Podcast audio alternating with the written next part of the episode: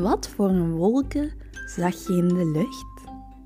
En hoe zouden wolken smaken? Ik heb een idee.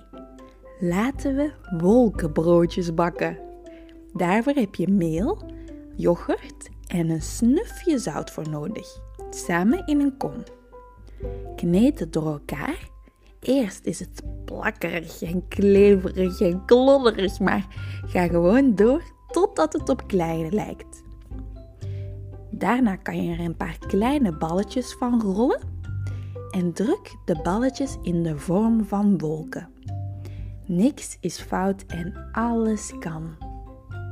Smeer je wolkenbroodjes dan met je vinger of een kwastje in met een beetje olie.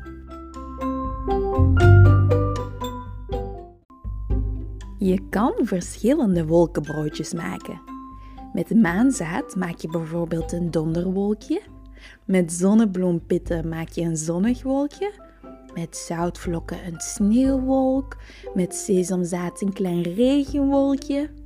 Of misschien heb je zelf nog andere pitjes en zaden of gewoon een ander idee. Probeer maar. Zonder pitjes en gewoon met niks is natuurlijk ook heel erg lekker.